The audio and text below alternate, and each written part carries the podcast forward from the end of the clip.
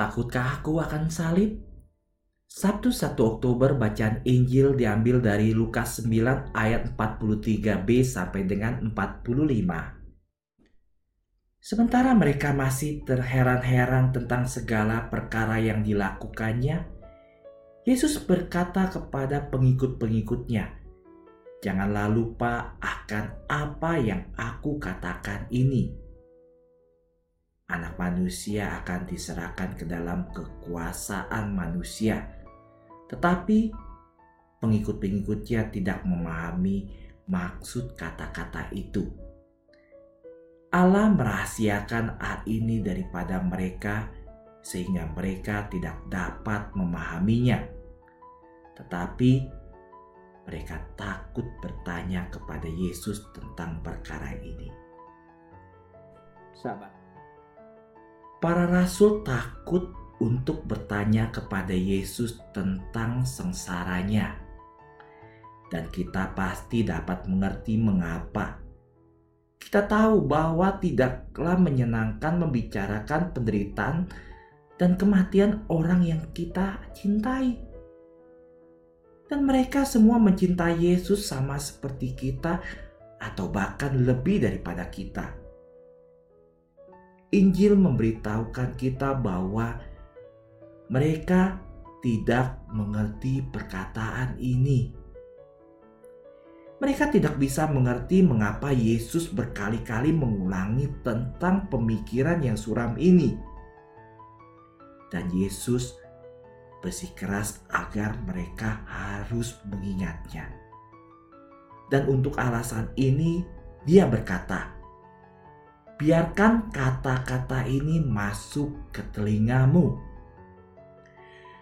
Seolah-olah mengatakan, "Jangan pernah kamu lupakan kata ini." Mungkin saja, apakah para rasul takut akan salib? Itu salah, pastinya, sahabat. Satu-satunya orang yang memiliki alasan untuk takut akan salib adalah iblis dan para pengikutnya. Karena salib sekarang menjadi alat keselamatan kita. Hari ini aku memohon kepadamu Tuhan agar aku tidak pernah merasa takut akan salib atau penderitaan karena salib. Karena salib adalah alat keselamatanku ini sudah pasti menyakitkan. Sebuah cerita, seorang dokter gigi pasti akan melewati proses yang menyakitkan untuk mengatasi kerusakan gigi atau infeksi dari pasiennya. Anda tidak pergi ke dokter gigi untuk menderita, tetapi untuk menyelesaikan masalah gigi Anda ini mungkin menimbulkan rasa sakit. Tetapi ini adalah bagian dari proses penyembuhan. Seseorang yang menghindari dokter gigi karena takut menderita akan semakin menderita ketika giginya terinfeksi. Pada tanggal 7 Februari 1945, tentara komunis tiba di biara Fransiskan di Cherokee Bridge mereka berkata, Tuhan sudah mati, tidak ada paus, tidak ada gereja, tidak membutuhkanmu, dan meminta mereka untuk menghapuskan kebiasaan mereka. Fransiskan menolak. Seorang tentara yang marah mengambil salib dan melemparnya ke lantai.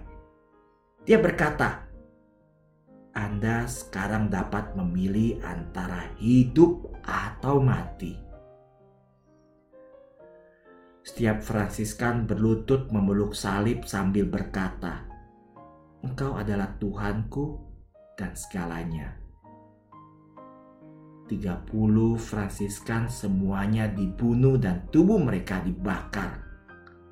Mereka dikenal sebagai 30 Fransiskan martir dari Siroki Bridget. Maria, Ratu para martir. Semoga aku tidak pernah takut pada salib.